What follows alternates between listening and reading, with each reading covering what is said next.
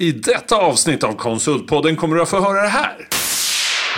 Jag tycker, bara parentes på det, men eh, studenter som jag har pratat med på senaste tiden minns inte hur man pluggade innan ChatGPT. Och den har inte ens funnits ett år. Mm. Är spännande. Och kommer inte ens ihåg hur de gjorde. Ja, men det är ju helt galet ju. Ja, men alltså ett sån här... Eh, två uttryck som jag liksom har lärt mig de senaste åren. Det ena är ju liksom att tolka snällt då. Att liksom, och det händer ju när, jag, när tilliten ökar lite grann i en grupp.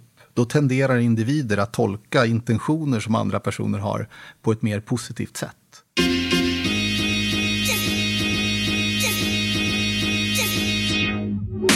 Konsultpodden, den största podden för dig i konsultbranschen. Med mig, Helena Torhage, Håkan Mild Svensson och Mattias Loxi. Bakom podden står Berotech och Synode. Hörni, välkomna hit! Det här är höstens sista Konsultpodden. Det, har vi lite julfeeling till och med? Eller vad, vad, vad tänker du? Gregor är med oss idag. Ja, tack Helena. Eh, ja, men jag tycker att det är definitivt julstämning. Vi hade julmarknad i helgen och det är kallt och krispigt. Och, ja. Jäklar vad kallt det är. Ja.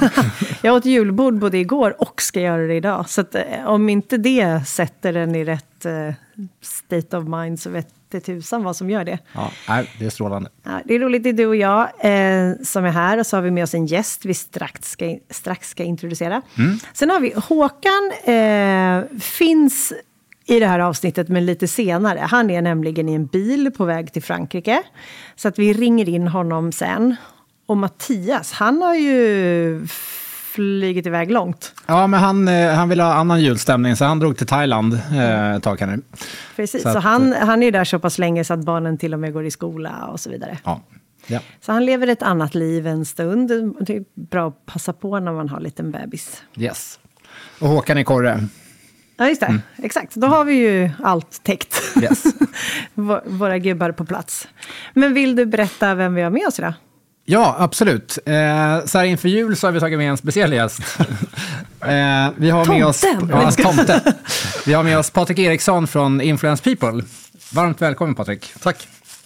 Och det, det, är bara innan vi kommer in helt på dig. Dels varmt välkommen, men sen också, ni två känner ju varandra lite. Ja, kan ni inte berätta om det? Ja, ja precis. Hur, vad ska vi säga om det? Sådär? Ja, ja, vi har ju jobbat ihop. Ja. Eh, du jobbade ju på Influence då, som det hette. Yes. Som var ett av de bolagen vi startade tidigt. Ehm, och eh, vi gjorde en massa roliga grejer. Bland annat åkt skidor ihop. Ja, det har vi gjort. Sånt man gör på jobbet. Det var nog det roligaste. Nej, men, eh, jobba med ledningsgrupper och, och se hur man kan få grupper att fungera, bättre. Det, det tar jag verkligen med mig från den tiden. Just det. Och det blir ju lite temat i det här avsnittet också. Som ni eh, kära lyssnare vet så är vi inne på det här entreprenörstemat. Och vi har pratat om eh, massa olika delar av att starta bolag och driva bolag och så vidare. Och idag så kommer fokus ligga på när gruppen blir lite större då. Man har gått från de här grundarna, man har anställt några stycken. Då kommer det in lite andra utmaningar. Så det ska Patrik få hjälpa oss att dyka lite i. Spännande. Ja, det tycker vi. Men vill du berätta lite först om, om vem du är? Vem jag är? Det är en stor fråga höll jag på att säga. Men jag, eh, jag brukar säga så att jag har tre eh, erfarenhetshinkar som jag använder när jag liksom jobbar. Eh, jag har ju varit konsult hela mitt liv. Jag är inne på mitt 33 år. Snyggt. Ja, jag vet inte. Vi brukar skämtsamt säga att jag tillhör affärsområde höstsol. Det är de lite äldre konsulterna. Ehm, jag, eh, jag är beteendevetare i botten som jag pluggade till någonstans mitt i min karriär. Och sen har jag hållit på med ishockey på elitnivå under 15 år av min vuxna, mitt vuxna liv. Så det där är liksom tre grejer som jag använder ganska mycket när jag jobbar. Då. Just det. Fanns det någon naturlig övergång från hockeyspelare till konsult? Eh, ja, för mig fanns det det och på ja. den tiden fanns det det. Alltså här, jag, jag började i Brynäs och där, där hade man sagt, eh, under 60-talet så sa man så här, man ska ha en civil karriär medan man spelar hockey. Mm. När jag det är väl kom, ganska klokt? Det är skitbra. Ja. Eh, men när jag kom upp då i mitten på 80-talet så, så sa man fortfarande det där, men det var ingen som hade någon civil karriär. Utan mm det var några som var brandmän och några som jobbade i kommunala fastighetsbolag. Sådär. Mm. Men jag tyckte det var bra så att jag tjatade mig till en traineetjänst på Craft General Foods, då, eller Gevalia, som var sponsor till Brynäs. Och där började liksom min konsultkarriär egentligen parallellt med att jag spelade. Då. Just det, så du valde ju faktiskt att bli konsult. Det var det du ville. Absolut. För det skulle gå smidigast att kombinera kanske? Ja, med. delvis det. Men det fanns också grejer som jag så här, direkt kunde överföra till mitt is- ishockeyspelande. Så här, jag eh, var frustrerad över ledarskap till exempel. Så här, För att vissa ledare funkade bättre på mig än andra. Just det, och då, Och då tänker man så- lite på varför då. Ja, varför då? Och vad gjorde de? Och vad var teorin kring det? Och vad hade de för filosofi? Och så där. Så att det var ganska mycket sådana tidiga grubblerier tror jag som ledde mig in på det här konsultspåret. Då. Det där är ju väldigt bra. Och faktiskt så blir du också det gyllene undantaget på något sätt. För det är ju nästan ingen som har valt att bli konsult. Utan alla, så Alla man, alla gäster när man frågar är så här, "Ja, det råkade bli så. Eller ja, det fan, någon slängde på mig ett uppdrag. Ja. Men det här var ju ändå ett eh, initiativ från dig själv. Ja, men, men, nej, men det var väldigt tydligt då. Och liksom framförallt så var det också viktigt för mig under tiden som jag spelade då, eh, att jag hade någonting annat. Både liksom att jobba men också att plugga då var superviktigt för att jag skulle vara så här, motiverad eller ha liksom ett annat liv än bara hockeylivet. För det, det blir ändå ganska tråkigt. Så där. Och det hinner man med, eller? Ja, men hyfsat så här. Det var lite bökigt på universitetet då när jag pluggade där. I början på terminerna, framförallt i början på hösten då. Det, så var det- vi på träningsläger liksom. Och då skulle man hålla på med grupparbeten och sådär. Då var det lite, lite stökigt. Men, men det gick ändå hyfsat. Det är väldigt bra löst. Men när du pratade om, om ledarskap också som du betraktade, Ja. eh, fanns liksom ordet självledarskap redan då eller pratar man om det också? Jo, men det tycker jag ändå att det fanns. Liksom. Det var ju ganska mycket utifrån kanske personligt ledarskap och kanske inte så teoretiskt sådär. Men det, men det handlar ju verkligen om att eh, sådana här enkla uttryck som att rannsaka sig själv, eh, liksom eh, driva sig själv framåt som en väldigt så här, tydlig grej. Eh, och jag tror också att jag ganska tidigt eh, själv jobbade ganska mycket med det. Så, alltså, eh, ja, men jag tränade liksom extra själv. Vi var några stycken som var väldigt unga när vi kom upp i A-laget då. Då var det ganska många av oss som vi tränade extra. Vi hade en egen idé om hur man borde liksom utvecklas. Och det var mycket, mycket mer än vad de etablerade spelarna hade då. Så att det var jättemycket sånt för oss. Så vi, vi körde styrka efter, styrketräning efter vinster ofta, för då var det enklast. Så. Ja, just det, då var man tillräckligt Medvind. glad för att bara köra. Så här, och tyckte de, vi tyckte vi var jätteknasiga. Men vår idé då var att vi var in på, liksom, inspirerade av den, den ryska hockeyn då. Och de, var ju, de såg ju helt annorlunda ut och var ju mycket, mycket mer fysiskt tränade liksom, än vad svenska hockeyspelare var. Och det var ju en förutsättning för att kunna bli riktigt bra. Sen har det där, det där har jämnat ut sig de senaste 20 åren kan man väl säga. Men, men då var det en jätteskillnad. Kan du se några paralleller? För jag vet att vi har pratat tidigare någon gång om, om man tittar på hur fysiken har ändrats inom idrotten på många olika. Det är en enorm skillnad. Ja. Alltså de som var väldigt tunga och stora är liksom sprinters idag Ja. i motsvarande fysik. Men ser du någonting liknande i arbetslivet? Du tänker, du tänker tunga konsulter. Ja, precis. Nej, men om, om man ser att man har ändrat eh, liksom, förutsättningar någonting på kompetens eller andra saker som, som är viktigt för företagande idag. Jag tror i många av de eh, kunskapsyrken som vi har idag så är ju kravbilden extremt mycket högre än vad det var för 20 år sedan. Liksom. Det är ju, vi är ju i en superkomplex värld och vi ställer jättekrav på våra medarbetare. Eh, och det gäller ju väldigt många olika yrken förstås. Så att det är ju en jätteskillnad tycker jag. Och sen om man tänker konsultyrket så tror jag att den här, eh, när jag började som konsult då kunde man läsa en bok och så kunde man konsulta på det i fyra, fem år. För det var ingen som liksom hade läst just den boken. Och nu är ju all kunskap tillgänglig hela tiden. Så att det går inte att komma dragandes med någon gammal bok liksom som man har läst. Utan man måste liksom vara duktig på att kunna översätta teoretiska saker till praktisk eh, tillämpning för, för uppdragsgivarna. Sådär. Ja. Och det kräver ju en helt annan liksom, kunskap och erfarenhet och kompetens sådär, Ja. generellt. Ja, vi, vi tittade ju med Mattias Loxti också, eh, min kollega, på halveringstiden på kompetens, hur den har sett ut. Så det är en ganska skrämmande utveckling om, Ja. om, man, om man är rädd för att lära sig nya saker, men bra om man gillar att lära sig nya saker. Ja, Mm, Det kan ju vara lätt stressande även om man gillar det. För det är väl två och ett halvt år på teknisk kompetens va? det kanske går ännu fortare nu i och med eh, nya tekniska framsteg. Och så. Mm. Jag tycker, bara parentes på det, men eh, studenter som jag har pratat med på senaste tiden minns inte hur man pluggade innan ChatGPT. Och den har inte ens funnits ett år. Mm. Det är Och spännande. kommer inte ens ihåg hur de gjorde. Ja, men det är ju helt galet ju. Ja. Eh, men du, som entreprenör då? Ja. Hur, vad har du gjort då?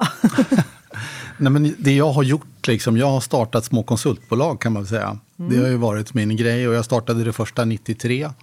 Eh, och sen så har det varit små bolag, nätverksbaserade bolag eh, och sen, sen eh, 2007 då lite större bolag kan man säga. Just det. Och i Influence People där du är nu, är det det. ett sånt du har varit med och grundat? Ja, det startade vi på hösten 2019. Så här, vi hade kick-off eh, 8 januari 2020. Och sen så tog det ungefär en månad innan pandemin slog till. Så det var en så här perfekt tillfälle att Skön starta bolag. så här. ja. Ja. Men vi, vi upplever att det ändå har skapat någonting med vår kultur som gör att det är väldigt så här, det finns starkt kvar att vi startade under en utmanande tid. Ja, det blev ju lättare att bygga kultur ju längre men- ifrån det där man kom. Så om Ja. ni lyckades redan digitalt, eller hur gjorde ni Ja, där i men vi, vi jo- jobbade jättemycket digitalt och dessutom så vi gjorde om alla våra leveranser också, de kunder vi hade till liksom, digitala leveranser och de finns fortfarande kvar, liksom, de kunderna. Så det har varit en jättelärresa. Men, men just det där att eh, ja, men inte ta så jättemycket för givet utan verkligen göra det på riktigt och tänka igenom vad man behöver göra för att skapa liksom, värde och också vara ödmjuk inför att det kan bli, det kan bli stökigare tider också. Så, det tror jag vi har med oss ändå. Superbra. Vad, vad gör ni på Influence People? Ja. Vilken typ av... eh, Jobba, jobba med människor. Ja, ni influerar människor, ja. Ja, men vi, vi har sagt att vi jobbar med eh, så här, alla aspekter av people-dimensionen. Och då, så här, ja men vad är det då? Jo, men jag, jag tycker att det är ju liksom allt som påverkas av och kan påverkas av mänskligt beteende. Det är liksom i, i scope för oss. Så det är, liksom, det är ganska mycket grejer så. Men vi har så här runt tio tjänsteområden som vi jobbar utifrån. Och det är sådana vanliga som man känner till som chefs och ledarutveckling, det är liksom ledningsgruppsutveckling, det är samarbete och digitalt samarbete.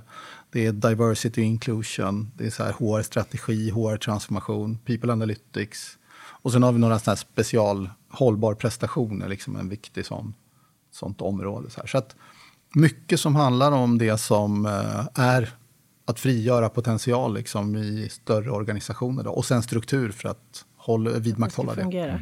Hur många är ni? Vi är 45, 44 är vi idag. Då har ni passerat några sådana här eh, tipping points, Ja. eller eh, vad man nu får kalla det för, Precis. där, där gruppen behöver någonting mer än vad den har behövt innan. Ja, men så är det. Vi har nog gått igenom några sådana stadier. Liksom. Intressant. Det kan du få komma tillbaka till, tänker jag. Ehm, men ni pratar en del om hållbar kultur. Ja. Och du ska också ha hållbar prestation nu, eller? Ja, verkligen. Och de, går ju väldigt, de är väldigt nära. Liksom. Ja, jag kan tänka mig det. Vad, vad innebär det för dig och för er som grupp?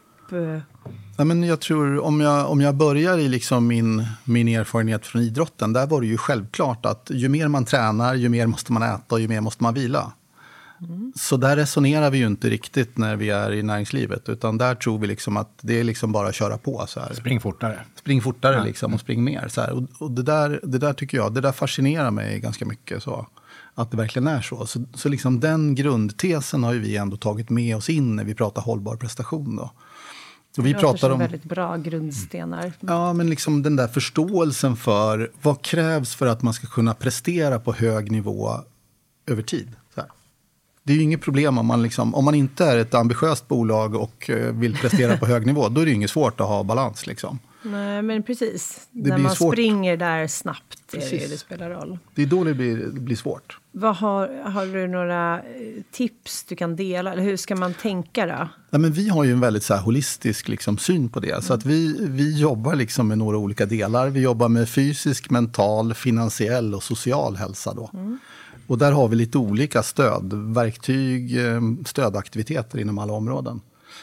Men en sak som var spännande när vi, vi är ju 12 bolag som sitter i samma kontor som liksom har samma ägande då. Och har ni också lite delad kultur? Och, eh, Ja, lite, lite grann. Vi delar några grundprinciper sådär, och det är liksom utgångspunkten för bolagen som är där. Då. Ehm, Men då hade vi bestämt oss för, efter att vi var, vi hade en, en konferens eh, i november förra året på Bosön.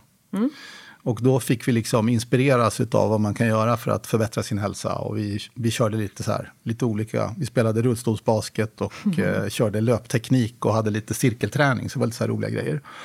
Men efter det var det ganska många som ville göra fystester då. Så att då körde vi tester i dynamisk styrka, rörlighet och så hade vi så här mätning av kroppssammansättning.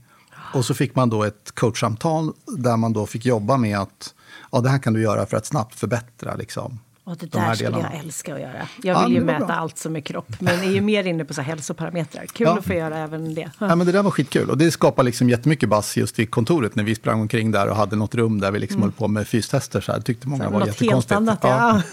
men, men det har mottagits superbra tycker jag och det har varit en viktig del för oss. Och vi liksom funderar över vad kan vi göra mer kring det där. Då.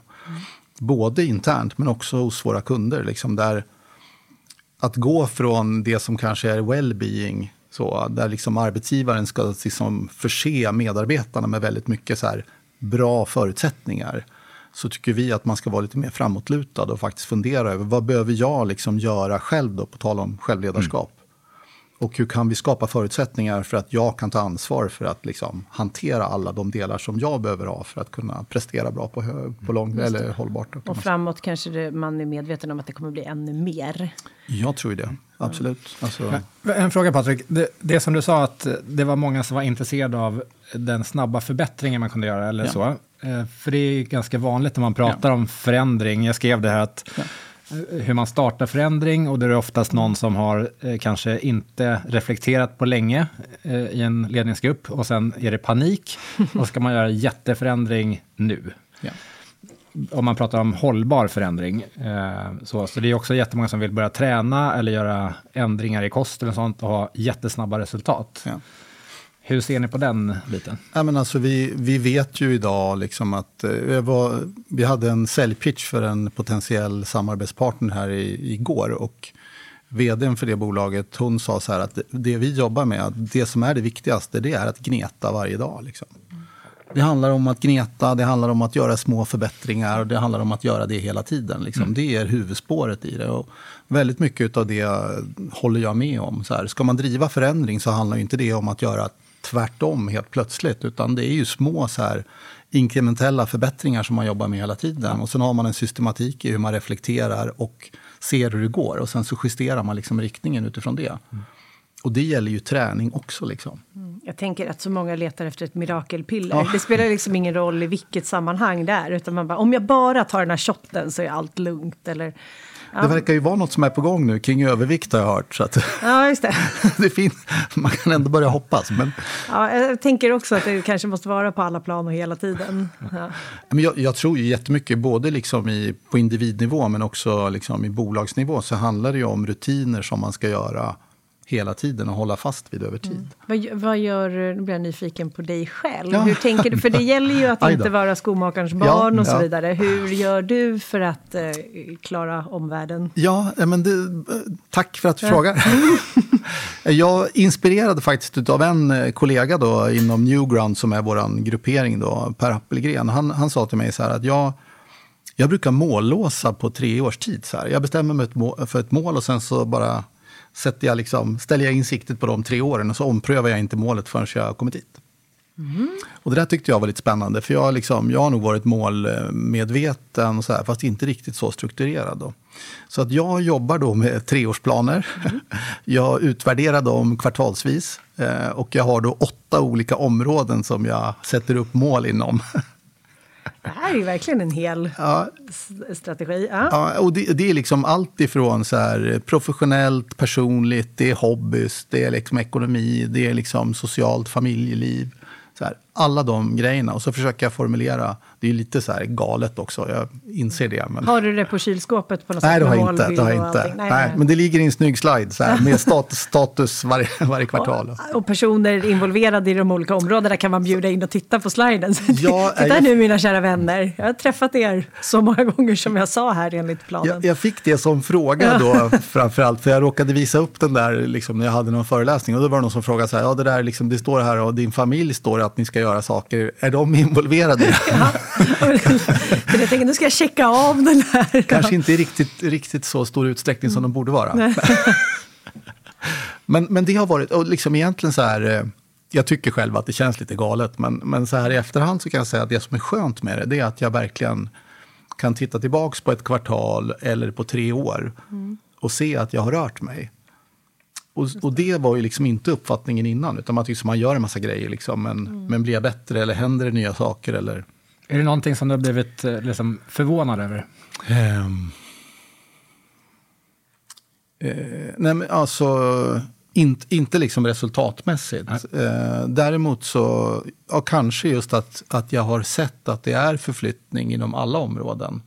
Och det, det känns ju ändå tillfredsställande. Och sen så också att jag kan, kan själv känna att det är väldigt tillfredsställande när jag tittar tillbaka och ser att ja, men då var jag där liksom, och då hade jag de där grejerna.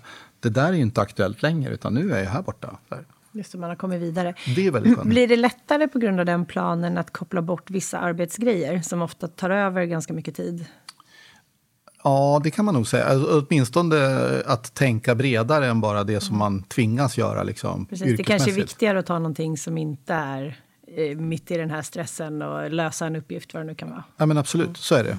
Sen, sen så tror jag, jag, jag använder ju, För det känns ju nyttigt för väldigt många nämligen. ja men det tror jag liksom. Men sen så tror jag, jag använder ju samma metod liksom på jobbet också, eller vi använder den liksom. Och jag tror att det är också en sån här viktig sak för att märka att man gör saker och utvecklas och det händer grejer liksom. Och verkligen kunna stämma av i efterhand liksom, vad man har lyckats med, reflektera över det som du frågade om Gregor, just att, att se så ja, vi gjorde de här grejerna, det fick det här resultatet, nu reflekterar vi över det, vad kan vi då göra för att liksom öka resultatet? Så, där. så jag tycker det, ja, det funkar liksom både privat och professionellt då, och i grupp kan man säga. Mm. Jag, jag kommer att tänka på, eh, jag tror vi har pratat om det också Patrik, när jag jobbade på Student Consulting så hade vi, jag vet inte om det var liksom strategiskt eller så man, man jobbade med det, men alla flyttades runt på kontoren väldigt mycket, förutom ekonomiavdelningen som behövde ha ett liksom låst och, säkert rum. Så. Men man rörde sig väldigt mycket fysiskt och placerades om, så att man upplevde att man var i ständig förändring eh, någonstans, så att man inte liksom blev Alltså, här är mitt safe. hörn där jag alltid har suttit. Ja, Ja. precis. Eh, Och det tror jag ledde till att det bolaget var extremt flexibelt med att sätta upp och stänga ner eller ändra saker. Eh, sådär. Så det, man hade den här rörelsen hela tiden istället för att reflektera en gång per år och sen göra jätteförändringar. Så gjorde Ja, man förändring hela visste tiden. man ändå inte. Ja. Och med den vetskapen så kunde man göra andra förändringar också. Ja, Ja. det är bra. Men så reflektionen tror jag är viktig där, att man märker att man rör på sig också. Och vi, idag, liksom, på tal om reflektion, eller egentligen två grejer. Det ena som jag gillar den där tanken om att liksom hela tiden vara i rörelse och hela tiden liksom förädla och förbättra. Ehm, Jag vet när vår dotter gick i skolan så, så hade de ett koncept i den skolan där hon gick att man bytte klass. Så här, inte att man gick upp i klass varje år, det är inte så unikt, utan att man också Till och med det fick de göra. Man bytte klasskamrater också. Då fick man välja fem stycken som man då ville ha med sig. Ehm, och sen så gjorde man om helt. Och jag tänkte så här, Mm, det där måste ju vara superrörigt. Så. Men målbilden var ju att istället för att vara, ha tajta relationer med 20 personer då, så hade man tajta relationer med 100 personer efter tre års liksom. Och det var ju supersmart. Och jag tycker det var, har varit jättetydligt i hennes liksom, utveckling, att det skapade liksom, trygghet i en själv i att skapa nya relationer. Jag måste inte vara med det där gänget, utan jag kan liksom ta mig Jag, vidare jag själv. klarar mig. Ja. Så, så det tycker jag det är den ena grejen. Och det andra då som handlar om reflektion i grupp, där vet vi ju idag forskningsmässigt att ett av de stora problemen som ledningsgrupper eller stora bolag kanske man ska säga har, det är att i strävan efter effektivitet så blir man ointelligent. Man bara gör grejer liksom, utan att fundera över varför är det här rätt, är det rätt sätt att genomföra det på. Utan man tror att någon annan har tänkt åt oss. Så här, nu har vi fått liksom ett uppdrag, så här, någon har nog tänkt och koordinerat och synkat det där. Så det är bara att exekvera. Men där, där är det bevisligen så att det räcker ju inte. Liksom. Mm. Så det där är ju en jättespännande grej. Är det det vanligaste misstaget eh, grupper gör? Ja, men jag, jag, tror det. Liksom. Framförallt ledningsgrupper. Och mm. framförallt den här tiden på året. Då håller vi ju på med att exekvera på affärsplanen. Liksom. Men vi har inte funderat över de här grejerna som vi formulerade för ett år sedan. Är de relevanta eller ska vi bara göra dem? så här? Mm. Och det tror jag absolut är jättevanligt och jätteproblem. Ja. Jag, jag, tänkte på en sak, när man jobbar i, i grupp och så här, eller sätter upp ett mål på en konferens eller sånt som är vanligt, så hur, hur viktigt är uppföljningen på det, att man reflekterar över målet man satte? För i många sammanhang så händer ju så mycket i verkligheten sen efter den här konferensen så att det glöms bort. Och så har man en, en ny träff och så hittar man på nya mål, men man reflekterar inte över de man satte. Men jag, jag, tror att det är jätteviktigt och jag, jag tror också att liksom, ha en enkel systematik i det. Att man, man sätter ett mål och så sätter man upp några åtgärder som man tror är rätt liksom, grejer att göra för att uppnå det där målet. Och sen så sätter man upp ett stort antal aktiviteter för att de här åtgärderna ska infinna sig och att målen ska bli verklighet. Då. Och att både vara duktig på att veta vilka aktiviteter man har genomfört och de effekter som de har lett till. Så att man då kan korrigera riktningen löpande när man då reflekterar. Antingen att skapa flera aktiviteter då för att det har inte hänt än men vi tror att fortfarande att det är rätt. Eller att säga så här, de där aktiviteterna de leder ju inte till det vi vill, då får vi hitta på andra. Liksom. Mm. Och det där tror jag verkligen är jätteviktigt att ha den där systematiska liksom, tanken och uppföljning och reflektionen. Då. Ja. Det låter ju liksom självklart, men just det här som vi har pratat om i många, många år med både ledande och släpande KPI som man pratar om. Liksom. Att både kunna mäta effekt i efterhand men också mäta progress, jag vet inte vad man har gjort, det är ju superviktigt. Mm. Men då, om vi kommer in på just det här med grupper, vad händer då när man blir lite fler än men runt tio, och sånt där, då kanske det inte går att leda bolaget och organisera sig precis på samma liksom, spontana sätt som man har gjort när man startade. Ja. Vad, vad, vad, ser du ofta och vad, vad händer med gruppen? Varför blir det mer komplext när man är ett visst antal personer? Um, om man börjar just med gruppperspektivet så kan man säga att där pratar man om att den, den perfekta gruppen är mellan sex och åtta personer. Och det, det handlar ju egentligen om att när man blir fler så blir ju antal relationer för komplext. Så jag kan inte ha fördjupade relationer till för många personer. Därför kräver det jättemycket jobb att hålla ihop större grupper än 68 personer. Så det är liksom mm. det optimala. Så det är den första liksom, grundgrejen.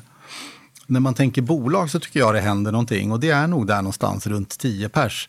Det är när man inte kan ta med sig alla på lunch varje dag. Ja, just det. Då blir det uppdelningar ja, på olika sätt. Är man tre, fyra så kan man ju ändå så här, då blir det ju problematiskt om två går och de andra två sitter kvar. Liksom. Då är det så här, mm, det där blir lite märkligt. Så då behöver man ändå försöka fånga in alla, åtminstone fråga alla. När man blir tio så slipper man ju det, för det är liksom orimligt. så. Och för mig, jag tyckte det var ett väldigt skönt läge när man liksom slapp det. Det blev inte så här påtvingat så här då. Nu måste vi umgås hela tiden. Ja, så, så det tycker jag är en sån där tydlig grej. Eh, sen så tror jag, framförallt om man håller på med konsultbusiness, så tror jag upp till tio personer så finns det ju liksom inga skalfördelar överhuvudtaget. Utan det är bara så här, som vd måste man ju göra precis allt som man gjorde tidigare och sen så måste man liksom göra allt det andra också. Mm. Så det är liksom, jag har jättestor respekt för 0 till 10 personer. Det är skitjobbigt liksom, att bygga den typen av verksamheter. Då. Ehm, sen så tror jag nästa så tydliga steg för mig är nog någonstans runt 30.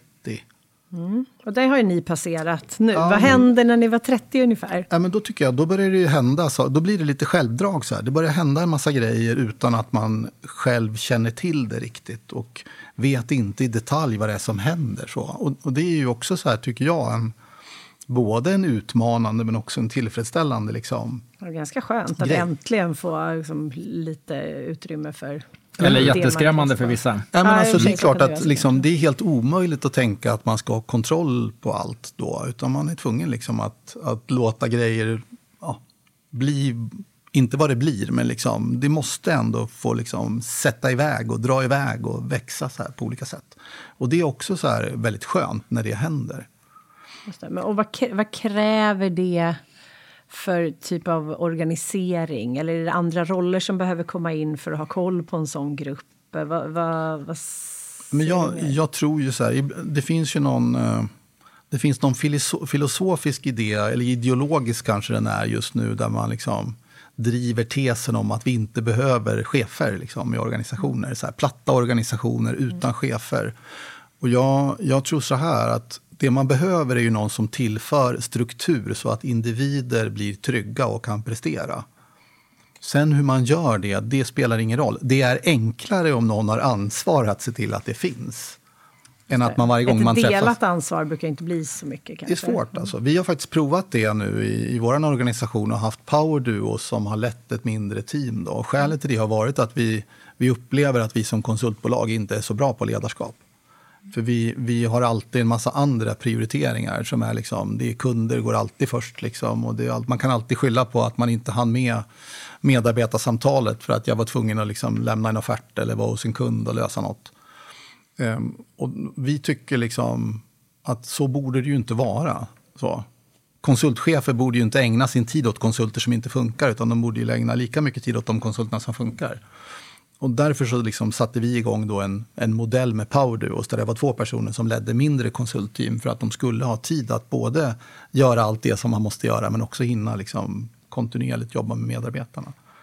Det, där... var det en, liksom en kalkylerad investering kan man säga? För det kanske också ja, men... initialt eh, tar, ja, blir mer overhead. Ja, det blir det ju. Liksom. Men, men vi tror liksom långsiktigt så tror jag att det var en, en jättebra liksom, idé. Nu, nu har vi valt att gå ifrån den här inför första januari. Så att vi, vi vad tyckte, gör ni istället? Ja, nej, men nu, nu fördelar vi ledaransvaret på några olika roller. Dels några som är liksom tjänsteområdesansvariga, som vi kallar det för. Liksom, det är experter inom ett visst område som kommer att leda supersmå team kunskapsmässigt.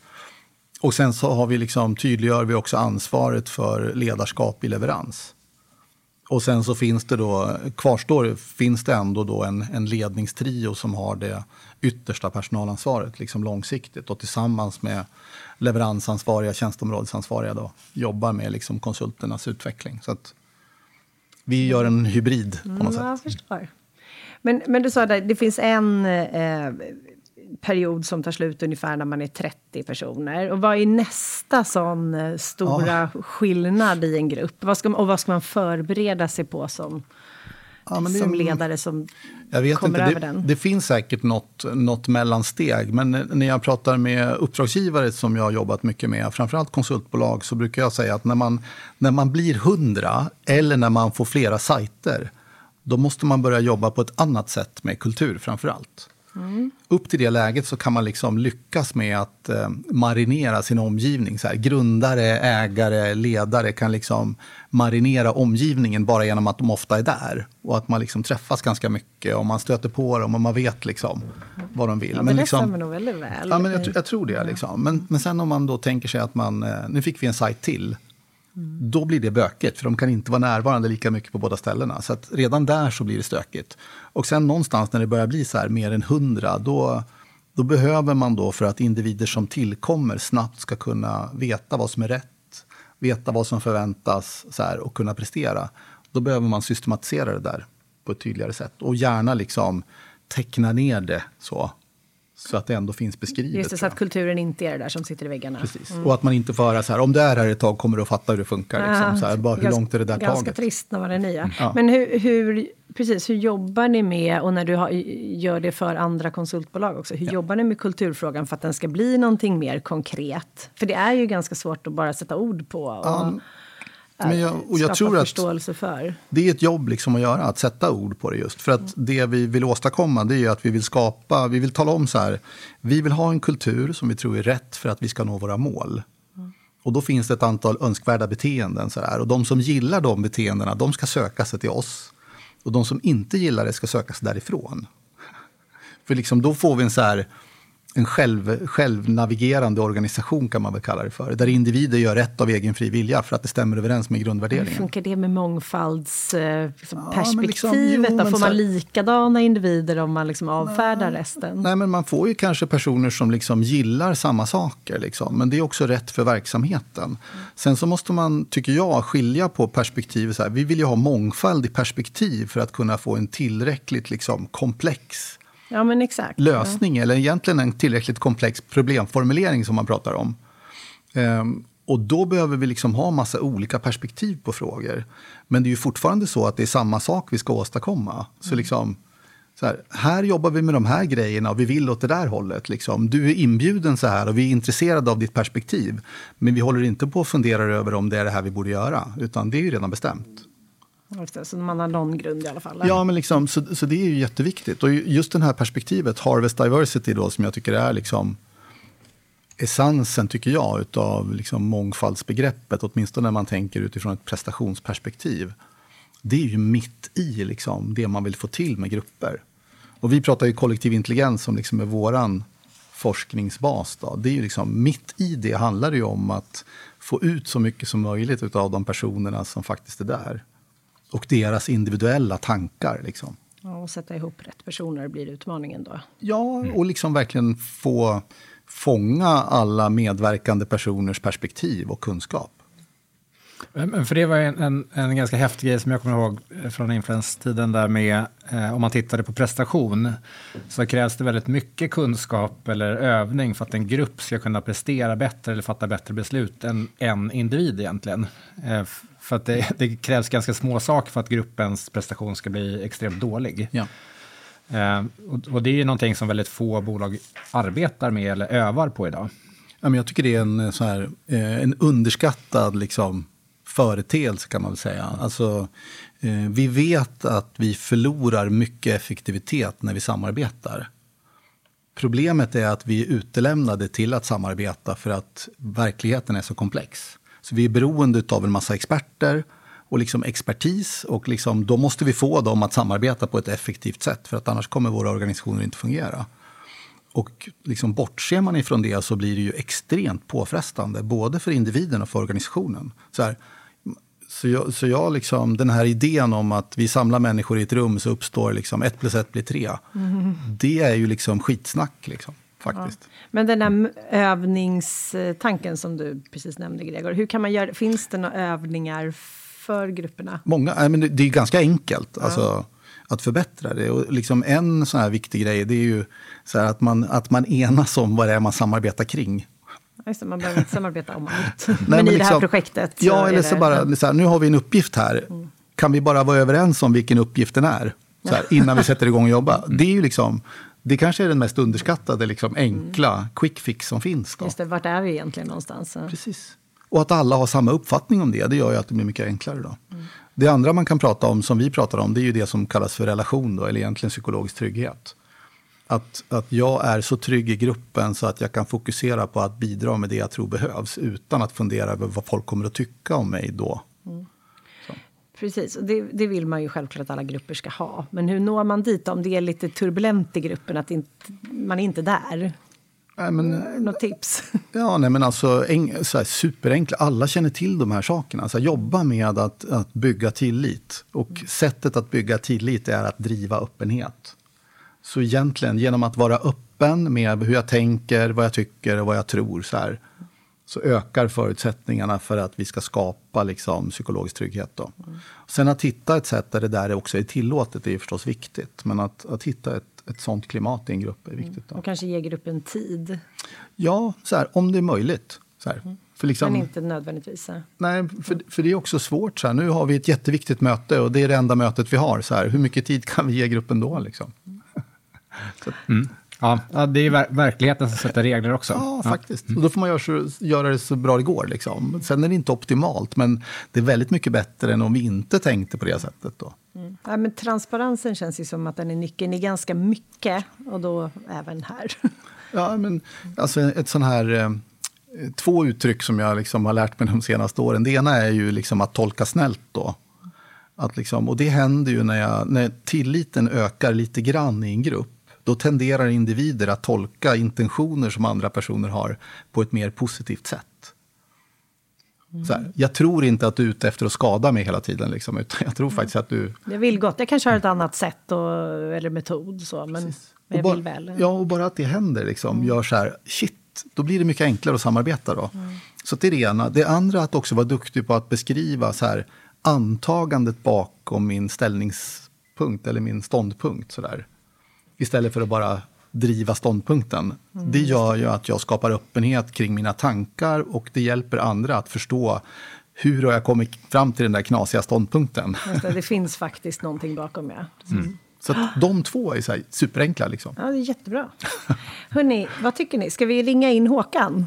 Jag tror att han har lite att säga på egentligen allt du berättar här, Patrik. Framförallt ja, i kulturfrågor. Det är underbart att lyssna på er alla ja. tre. Nu har vi stannat, så nu är det lugnt. Ja, ja vad eh, roligt. Hej! Så kul att höra dig, Patrik. Eh, jag gillar det här. Det är många saker jag skrev ner. Ja, eh, jag backar tillbaka till en sak som jag inte hörde. Ja. Vad är det som startar alla de här bolagen? De små bolagen till de större. Vad är, liksom, vad är det som får dig att göra allt det där? Um, hmm. jag, jag tror en, en sån där tydlig grej i mitten på 90-talet så så tyckte jag att det saknades en spelare på marknaden som kunde driva större projekt åt större organisationer med liksom något slags beteendevetenskapligt djup. Um, och den, den positionen tycker jag fortfarande liksom är, där finns det inte jättemånga. Jag tycker vi börjar närma oss ett sånt, ett sånt läge. Liksom. Mm. Um, så det, var nog, det har nog varit min så stora drivkraft. Och sen, sen utifrån min individ, mitt individuella perspektiv, så jag går igång på det här låter ju jättekonstigt också, men jag, jag går igång okay. på sånt som inte funkar. Alltså, om en organisation säger att de gör, ska göra någonting och sen gör de inte det, då, så här, då är jag, så här, går jag igång på att få dem att göra mer som de säger att de gör eller ska göra. Det är det här accountability som alla pratar om idag. Ja, men lite ja. så liksom. Det låter ju som en ganska bra mm. föräldraegenskap också. och du vet ju vad som är bäst för dig här. Ja, Kom igen. Gör bara. Ja. Sen hade jag någon fundering på när du utgår från idrottsrörelsen så skulle det vara en våt dröm tror jag, för många organisationer om, om det vore så enkelt som att vårt mål var att ta OS-guld i hockey. Ja. Eller SM-plaketten. För då, har vi, då var ju alla, alltifrån de som kör bussen som står i korvkiosken till de som spolar isen, till de som slipar skridskorna, till de som faktiskt är på plan. Man har ju exakt samma målbild. Mm. Eh, jag är rädd för, och har sett det själv och känt det själv, att om man gör det i näringslivet så har vi inte samma målbild lika Nej. lätt. Vi har olika drivkrafter som måste tillfredsställas och faktiskt helt unikt andra mål än organisationens toppmanagementskikt eller ägare har. Ja. Hur gör du då för att på något sätt få det att funka? Kan man bryta ner det där jobbiga målet som jag inte vill bry mig om till någonting som jag kan relatera till? Eller hur, hur tänker du där? Ja, men jag, jag, tror att det där är en jättestor utmaning. Liksom. Men, men jag tror att man måste hitta sätt att göra det. Göra det också hitta storyn som hänger ihop för alla i organisationen. Och där mm. tror jag också, vi pratade ju om chefer tidigare, där tror jag cheferna är jätteviktiga. Att översätta storyn till liksom varje nivå i organisationen är ju chefens liksom superviktiga uppgift också. Eller chefernas viktiga uppgift. Så det tror jag är en, en så här ständigt pågående grej som vi måste liksom bara lösa. Att göra om organisationens mål så att det blir en attraktiv story för alla enskilda medarbetare. Mm. Det, jag, tror det... jag, jag, jag, skulle vilja hoppa förbi cheferna där, bara för att ja. utmanas. För, för, ja. Nu vill, kanske inte det ska vara ett chefslöst plats alltid, men jag tycker om jag inte själv som medarbetare kan själv bygga en bild av vad är mitt bidrag till att nå det här målet. Då blir det någonstans en, en, en munsbit som jag blir serverad och ska försöka tycka smakar gott. Det blir ja. mycket jobbigare när jag ges tillfälle att reflektera. Okej, okay, vad betyder den här målbilden för mig? Vad kan mitt bidrag bli i det? Och någonstans tillåta att det inte då är exakt rätt munsbit. Jag förstår vad jag är ute far Absolut. Nej, men jag... Att jag får liksom förankringen gjord på en gång, eller att man går från top down på något sätt. Nej, men jag tror att många stora organisationer lyckas ju med det idag. Att attrahera liksom mm. individer bara med sin liksom vision och mission. Det finns ju jättemånga storföretag, framförallt i energisektorn då, om vi inte väljer att mm. nämna dem i namn, som, går igång liksom på omställningen i samhället. Och många liksom tycker det där det är ju skitkul och jättespännande. Men när man sen ska översätta det från att vårt uppdrag är spännande till att de enskilda aktiviteterna som jag ska göra är motiverande, då behöver man ändå bygga den där storyn. Liksom. Det räcker inte med att jag, så här, ett fossil, en fossilfri värld inom en generation, det är skitkul. Liksom. Mm. Men, ja, det är för ett abstrakt mål. Det ja, måste vara nedbrutet, absolut. Så, och där behövs liksom den här chefernas story till medarbetaren, men också dialogen däremellan, så att man liksom fångar det. Där tror jag liksom mm. chefer och ledarroller är superviktiga. Ja. Ja, gillar det. Gillar ledarrollen där tror jag mer än chefsuttrycket. vi behöver inte vara överens om allt. Nej, det. Jag gillade en annan grej skithårt, det här med att du hade med privata, ditt privata plan, tre år och Ja, det här knasiga. Eh, kvartalsuppföljningar ja. och så, tänkt, så hade, hade jag lyssnat, suttit i bilen i två dagar och alla har ju pratat om hur jävla dåliga vi är i skolan just. Att en fjärdedel ja, av alla barn inte klarar av att läsa eller matematik. Ja. Och det, och det, och, och, och, kan den där modellen, kan du inte se till att det där funkar på barn? Alltså om, om barn själva får sätta upp en treårsplan och följer... Ja, men, ja. Nej, men jag tror, jag tror eh, att eh, jag tror forskningen är ganska enig med mig kring det. Att, eh, att lärande idag handlar ju om systematik och sätta mål och mikrolärande då. Så här, mm. Fem minuter om dagen eller liksom systematiserat så att vi vet liksom att vi rör oss i en riktning. Jag är helt övertygad om att det funkar lika bra liksom på barn som på vuxna.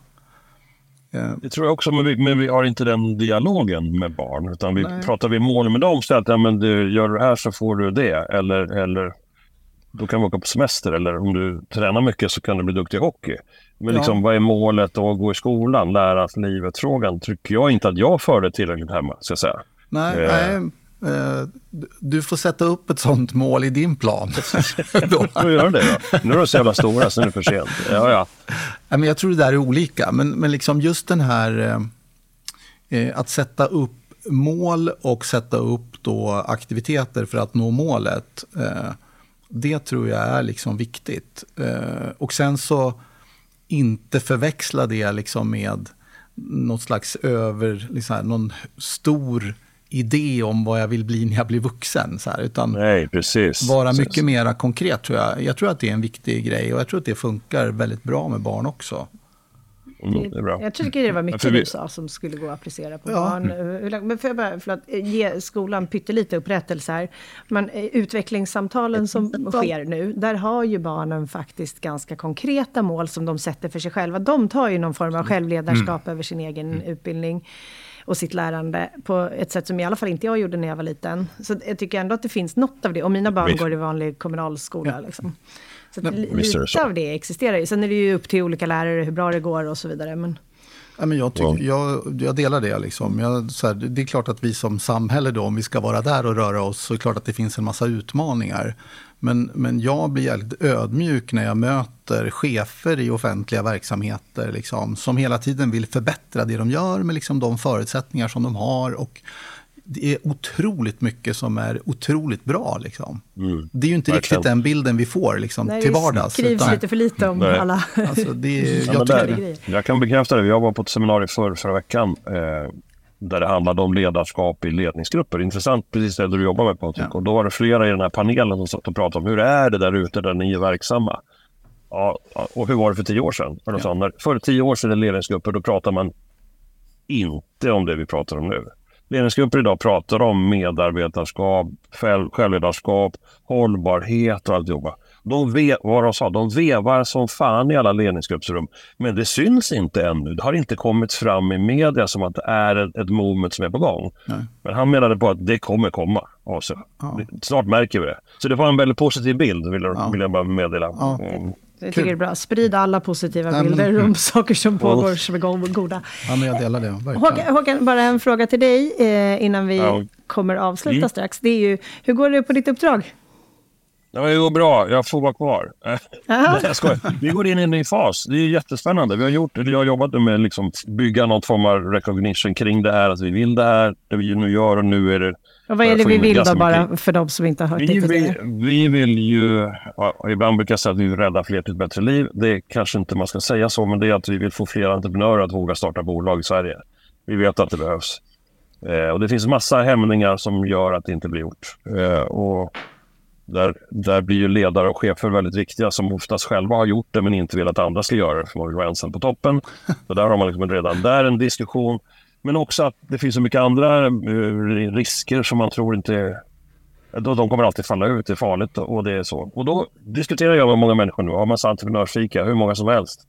Eh, bokningar redan in i februari i, i sådana som sker lite grann nu. Och nu går vi in i nästa fas. Försöker skapa någon webbinarserie där vi där försöker påvisa eh, lärdomar vi själva har haft och andra har och gett mig nu hur, hur det är, vilka fallgropar man går i och vilka man måste igenom. Och, och det du pratar om nu Patrik, om de här olika stegen från det lilla entreprenörsgänget på tre personer som går igenom all glädje och även då sju personer så startar man ett satellitkontor i Kista och så bara pajar all kultur på två dagar. Ja, men där har många varit. Det ska vi försöka hjälpa till med. Så det blir en webbinarserie till våren. Eh, det är skitkul och många intressanta dialoger med entreprenörer som är på väg redan. Så det, sjunde andra åker den här lilla poddverksamheten ner till Linköping och gör liksom en livepodd med entreprenörskap och innovation. Som en liten eh, Ja, precis. Idag Rör ni er i de mm. krokarna så boka in 7 februari, inbjudan kommer. Eller skriv till mig, eller mm. Håkan, eller Gregor, eller Mattias, eller någon ja. av oss. Ja, men bra. Tack Håkan. Och sen har vi då en sista fråga okay. till Patrik. Jag hade bara en, en kort reflektion. Ja, okay. Men jag, jag tänkte just det där, alltså, min upplevelse, ibland så tror vi att eh, entreprenörskap, då ska man liksom starta ett bolag så blir man framgångsrik på tio månader. Liksom. När vi tittar på våra stora liksom, företag och våra stora framgångssagor så ofta har de ju funnits i åtminstone tio år. Eller ja. längre. Liksom. Så att vi, alltså uthållighet då är ju ändå en, en entreprenörsegenskap som man måste ha. Liksom att testa, testa, Verkligen. testa men också vara uthållig är ju superviktigt. Då. Och det är jättebra att du säger det, för det har ju faktiskt med min fråga att göra. Alltså, hur, hur ökar vi entreprenörskapet i Sverige? Då känns det lite som man kanske behöver berätta även om det här, för det kanske inte är de storiesarna man läser om just. Men du, eh, har du några andra tankar kring det?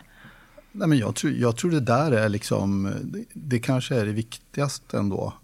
Det, det, ja, ibland man låter ju jävligt träig kan man känna sig. Mm. Liksom. Men just att vara uthållig så här och hela tiden systematiskt ändå med målet i sikte ompröva de sakerna vi gör och testa nya saker på ett systematiskt sätt. Det tror jag ändå är en liksom, framgångsväg. Hur lär, hur lär man fler att göra det så att de vågar starta sitt drömbolag? Precis. Ja, men eh, bra fråga liksom just. Men jag tror insikten om, det, det, kanske är att avskräcka då möjligtvis, men insikten om att jag behöver liksom göra det här ganska lång tid för att det ska liksom verkligen bli framgångsrikt, det tror jag är viktigt att ha med sig. Men som med idrott, ja. kanske ta död på den här myten om att man har talang. Utan att det är enormt mycket mer en arbetsinsats än att man ska födas med någonting. Ja, men jag, jag tror verkligen det. Liksom. Och den här grymma idén som bara liksom över ett år blev en, en global så här, världsunik affär. Liksom, jag ser inte att det händer. Liksom. Och jag har inte sett Nej. att det hänt heller liksom, faktiskt. Precis, ja, nu ser vi väl effekterna av de, de stora molnen. Jag menar, Spotify och Klarna och alla som har jättestora utmaningar nu. De var ju liksom hetast på stan och nu ja. är det tuffa tag. De, det gick fort. Jag tror, jag tror det är precis som idrotten här igen Patrik. Att jag, menar, jag vill faktiskt stå i, i, i landslaget om sju år eller ja. om tio år. Då ja. får jag slita för det. Ja. det ja, men jag, tror, jag tror att det är viktigt att ha den insikten. Liksom. Bra, tycker jag. Hörrni, yes. tack så hemskt mycket för det här avsnittet. Det är väl... Eh, någon som vill säga något sista reflekterande? Annars så tycker jag att vi önskar varandra god jul. Ja, men god jul och tack så jättemycket Patrik för att du kom ja, hit. Stort tack. tack. kul att vara här. Ja. Tack för att ni finns och tack Gregor för att du liksom axlar Mattias roll så jävla bra varenda gång. Ja. Tackar, tackar. Ja, trevlig det, resa. Det är fint att vi har dig Gregor.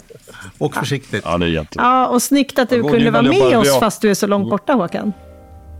Ja, det funkar skitbra med teknik. Mm. Ha det gott allihopa. Sköt om er. Hej då. Tack så mycket. Hej, hej.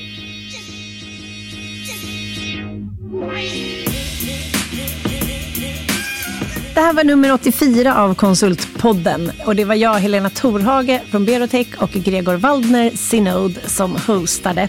En liten stund hade vi även med oss Håkan Mild Svensson på länk. Gäst i studion har Patrik Eriksson varit. Han är VD och konsult på Influence People. Och produktionen den står Septemberfilm för